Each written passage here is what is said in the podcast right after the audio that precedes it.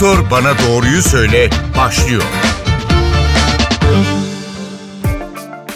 Merhaba NTV Radyo'da Doktor Bana Doğruyu Söyle başladı. Ben Zeynep Gül Alp. Bugün programımızda su konusunu konuşacağız. Son birkaç haftadır çok gündemdeydi. İskoçya'da Aberdeen Üniversitesi'nden araştırmacılar günde 2 litre su içilmesi tavsiyesinin genellikle ihtiyaç duyulandan fazla olduğunu söylüyor. Science dergisinde yayımlanan bir araştırmada da günlük su ihtiyacının bir bölümünün zaten gıdalardan alındığı hesaba katılıyor ve bu yüzden de bilim insanları günde 1,5 ila 1,8 litre su tüketmenin yeterli olacağı görüşünde. Her zaman özellikle de diyet yapanlar için 3 litre su içilmesi önerilirdi. Hal böyle olunca kafalar da biraz karıştı. Biz yine doğrusunu bir bilene soralım dedik ve bugün hem sağlık açısından hem de ne kadar su içilmesi gerektiğini ve güvenli ve kaliteli bir suyun nasıl olması gerektiğini iki uzman isme soruyoruz. İlk konuğumuz kalp damar cerrahisi uzmanı Profesör Doktor Yavuz Yörükoğlu. Hocam hoş geldiniz yayınımıza. Hoş bulduk. Şimdi İskoçya'dan uzmanlar diyor ki artık bu kadar çok su içmenize gerek yok. 20 litrenin altında su içilmeli deniliyor. Az önce de aktardım. Nedenlerini de biraz sıralarsak e, birazdan sıralarız ama e, hemen başlarken size soralım. Su vücudumuz için neden bu kadar önemli ve vücudumuzun ihtiyaç duyduğu su miktarı ne kadar? Herkes için ideal bir sıvı alım miktarı var mı? Valla su hayatımızın en önemli unsurlarından bir tanesi. Onda bir tartışma yok. Ancak e, son yıllarda e, bir takım e, bilimsel dayanağı olmayan söylemler ortaya çıktı. İşte günde 2 litre için, 3 litre için diye. Ben bundan yıllar önce bu konuda bir video çektim. E, ve burada söylediğim şey suyun bir dozu yoktur. Su ihtiyacımız kişiden kişiye göre değişir, ortam ısısına göre değişir, aktivite düzeyimize göre değişir. Dolayısıyla standart bir şey söylemek mümkün değil. Serin bir odada televizyon izleyen birisi için 2 litre fazla gelir. Ama sıcak havada dışarıda bahçede çalışan birisi için 4 litre az gelebilir. Yani suyun bir dozu yoktur. Ee, peki ne kadar içmeliyiz diye soracak olursanız Allah bize susama duygusunu vermiş. Susadığınız zaman kana kana iç. Hı hı. E, susamadıysanız laf olsun diye su içmeyin. Yani e, konu bu kadar basit. Hocam peki neden vücut... zamanında 2 litre 3 litre evet. kim bunları uydurdu bilemiyorum doğrusu. Vücudumuzun sağlıklı çalışabilmesi için ne kadar suya ihtiyacı var peki? İşte biraz önce söylediğim gibi yani Herkesin ihtiyacımızı beyin zaten hı hı. susama duygusuyla bize ifade ediyor. Hı hı. Şimdi bizim organizmamız mükemmel bir denge halindedir. Her zaman aldığımız gıdalar, içtiğimiz su, kanımızdaki e, şeker düzeyi, mineral düzeyi, amino asit düzeyi muhteşem bir denge halindedir. Hı hı. Eğer biz fazla su alırsak yani ihtiyacımızın üzerinde su alırsak bir takım hormonal mekanizmalar devreye giriyor. Böbrek kanalları açılıyor ve gereksiz olan su dışarıya atılıyor. Şimdi aşırı su içmenin en büyük zararı bize faydası olmayan bu su böbrekler tarafından dışarı atıldığında beraberinde sodyum, potasyum ve bir takım mineraller de beraberinde kaybediliyor. E, dolayısıyla aşırı su içmek, fazla su içmek faydalı değil. Aksine zararlı olabiliyor. Peki hemen şunu soralım hocam. Şimdi özellikle yaz aylarında susadığımızda işte gazozlar içiliyor, meyve suları içiliyor. Kışın yine kahve, çay miktarı e, artıyor içtiğimiz. E, tüm bu sıvı alımlarını acaba katmak gerekir mi günlük içtiğimiz sıvı miktarına yoksa suyun yeri bunlardan ayrı mı tutulmalı? E, tabii ki yani bu hesaba katılır. Şimdi e, bazı insan günde 10 tane çay içer, e, hiç su içmez. Ha, bu çok sağlıklıdır demiyorum ama e, sonuçta su sudur. Hangi kaynakla alırsak alalım. Ama dediğiniz gibi e, herhalde günlük su ihtiyacımızın yarısını hiç olmazsa şöyle serin, güzel, kaliteli bir suyla karşılamak en sağlıklısı. Peki bir çocukla bir yetişkinin su ihtiyacı aynı mıdır ya da 30 yaşındaki biriyle 70 yaşındaki bir bireyin su ihtiyacı aynı mıdır? İhtiyacımız hiç değişmez. Ama o ihtiyacı karşılamak için ne kadar su aldığımız değişir. Yani 15-20 kiloluk bir çocuğun tabii ki su ihtiyacı farklıdır.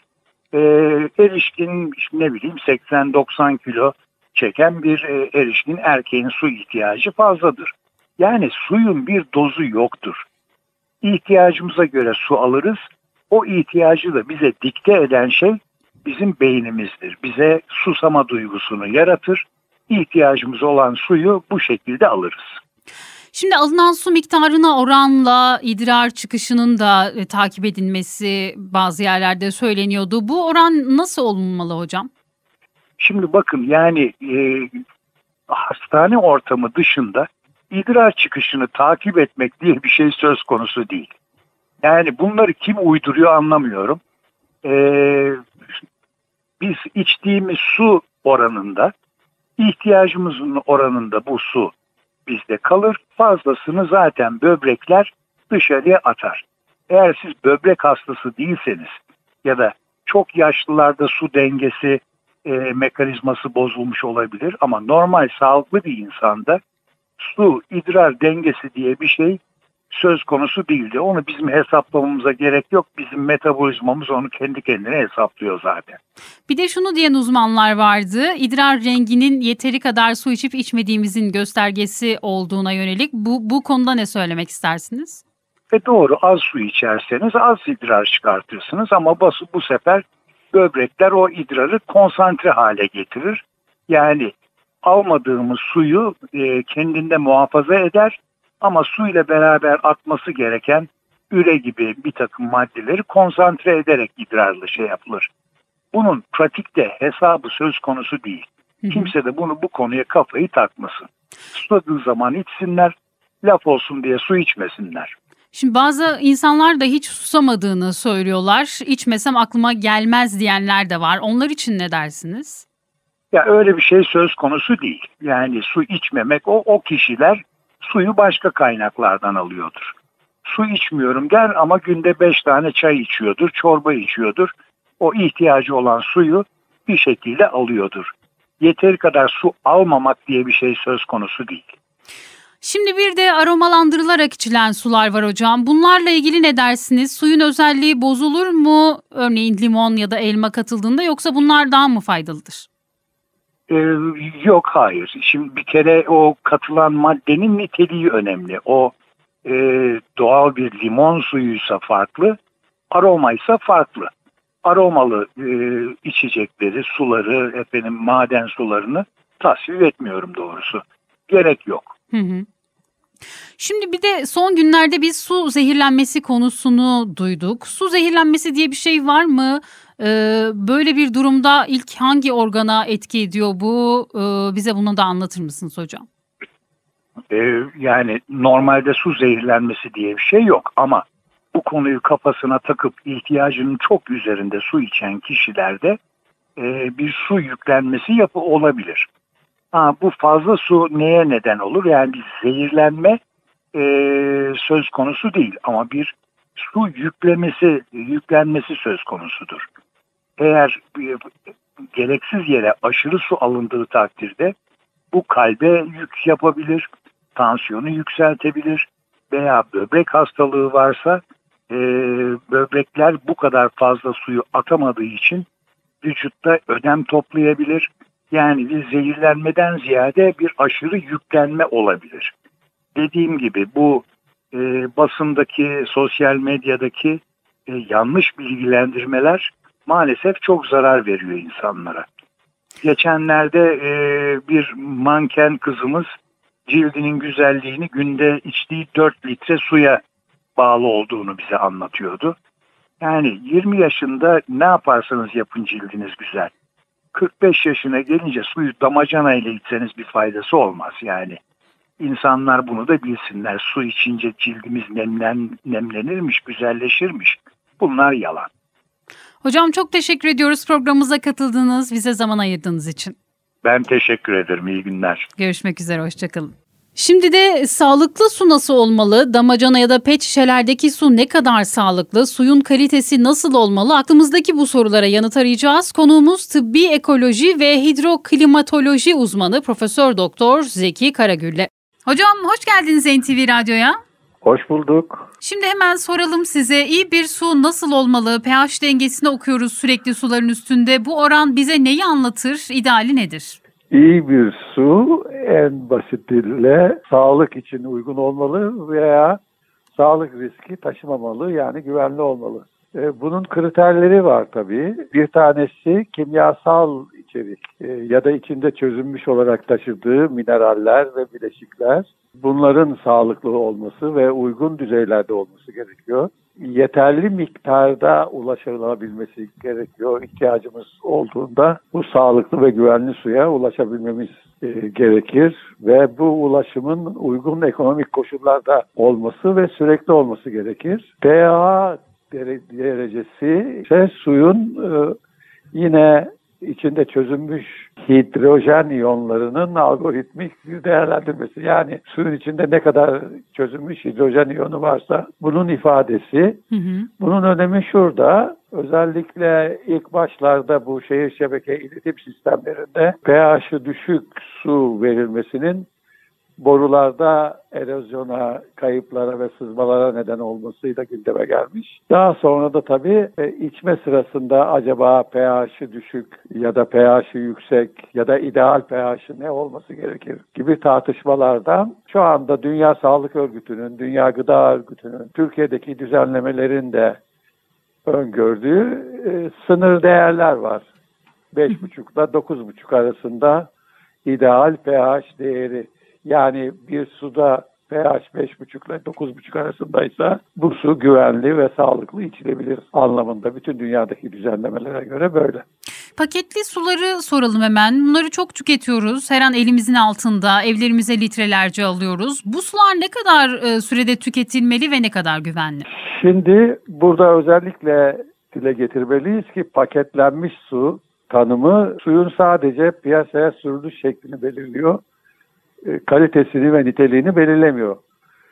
Dolayısıyla e, tanımlamada bu paketlenmiş suyun içme suyu mu, işlenmiş su mu yoksa doğal kaynak ve mineralli su mu olduğuna dikkat etmemiz gerekiyor.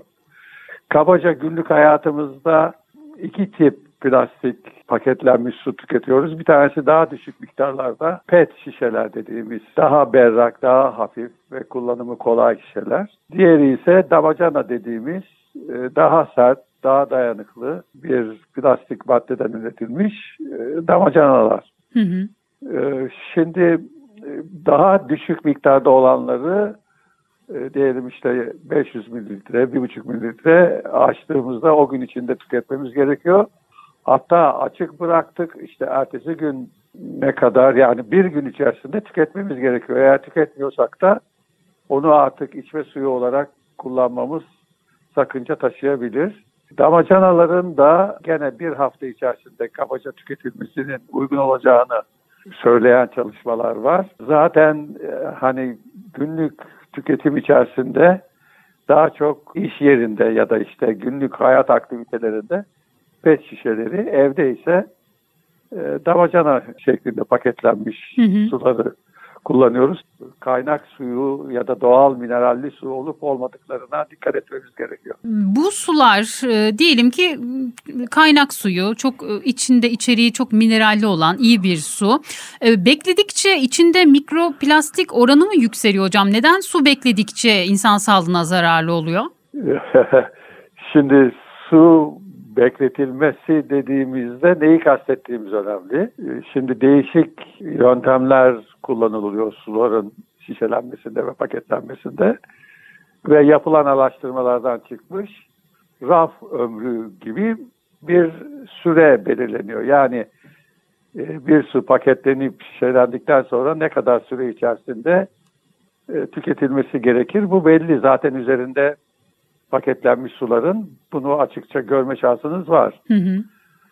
Ee, ama tabii bu raf ömrü dediğimiz sürede e, bu sulara e, nerede depoladığımız, nerede sakladığımız, nerede kullandığımız önemli. Yapılan çalışmalar göstermiş ki yüksek sıcaklığa yani oda sıcaklığından yüksek 20 24 dereceden yüksek sıcaklığa ya da doğrudan direkt güneş ışığına maruz kalma bir takım plastik kaynaklı maddelerin su içine sızmasına ve kalitesinin bozulmasına e, yol açıyor. Dolayısıyla e, aslında bu çok son günlerde bilinen hale geldi. Açık doğrudan güneş ışığına ve yüksek sıcaklığa maruz bırakmamamız, uygun koşullarda depolamamız gerekiyor. Paketlenmiş doğal kaynak sularını, mineralli suları. Şimdi eskiden hatırlarız e, su kaynakları olurdu ve işte dağ suyu mesela gidilir oradan doldurulur e, işte evde o su tüketilirdi. Sonra sonra çeşme sularının e, artık tüketilmediği bir döneme girdik ve sular arıtılıp tüketilmeye başlanıyor.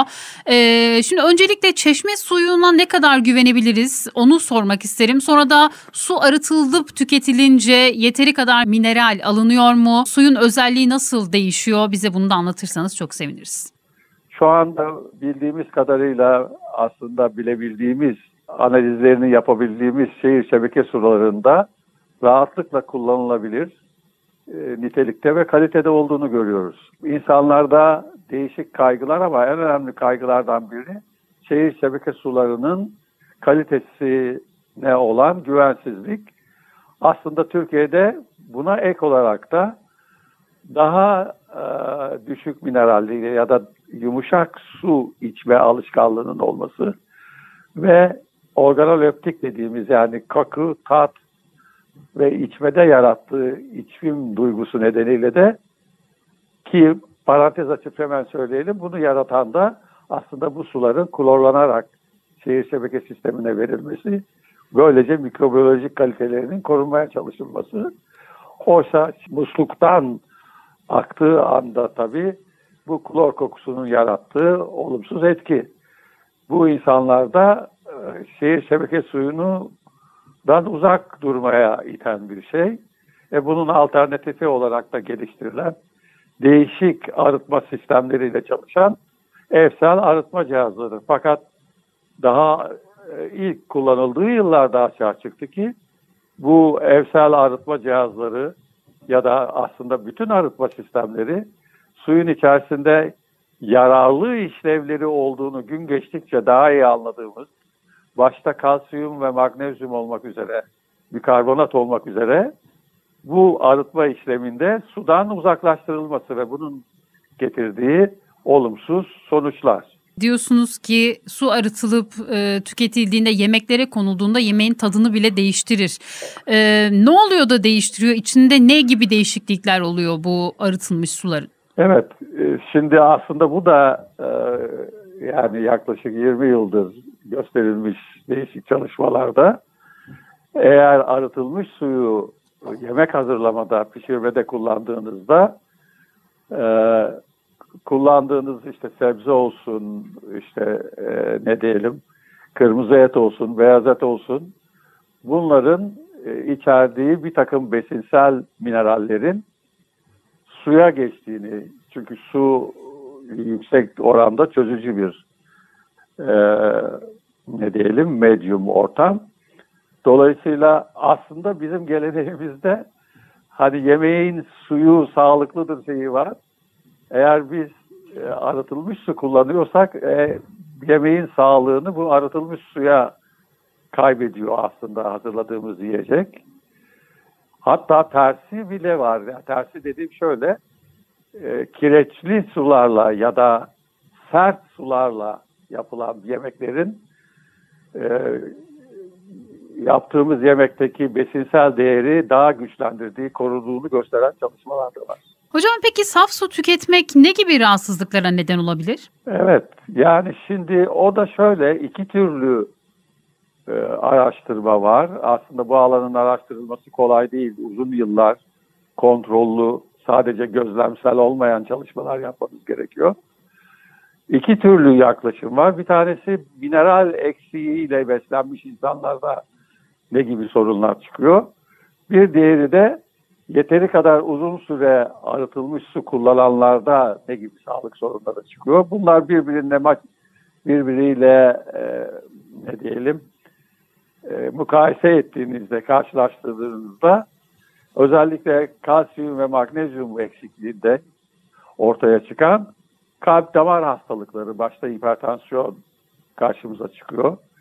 Çocuklarda büyüme geriliği ve diş çürükleri e, görülüyor.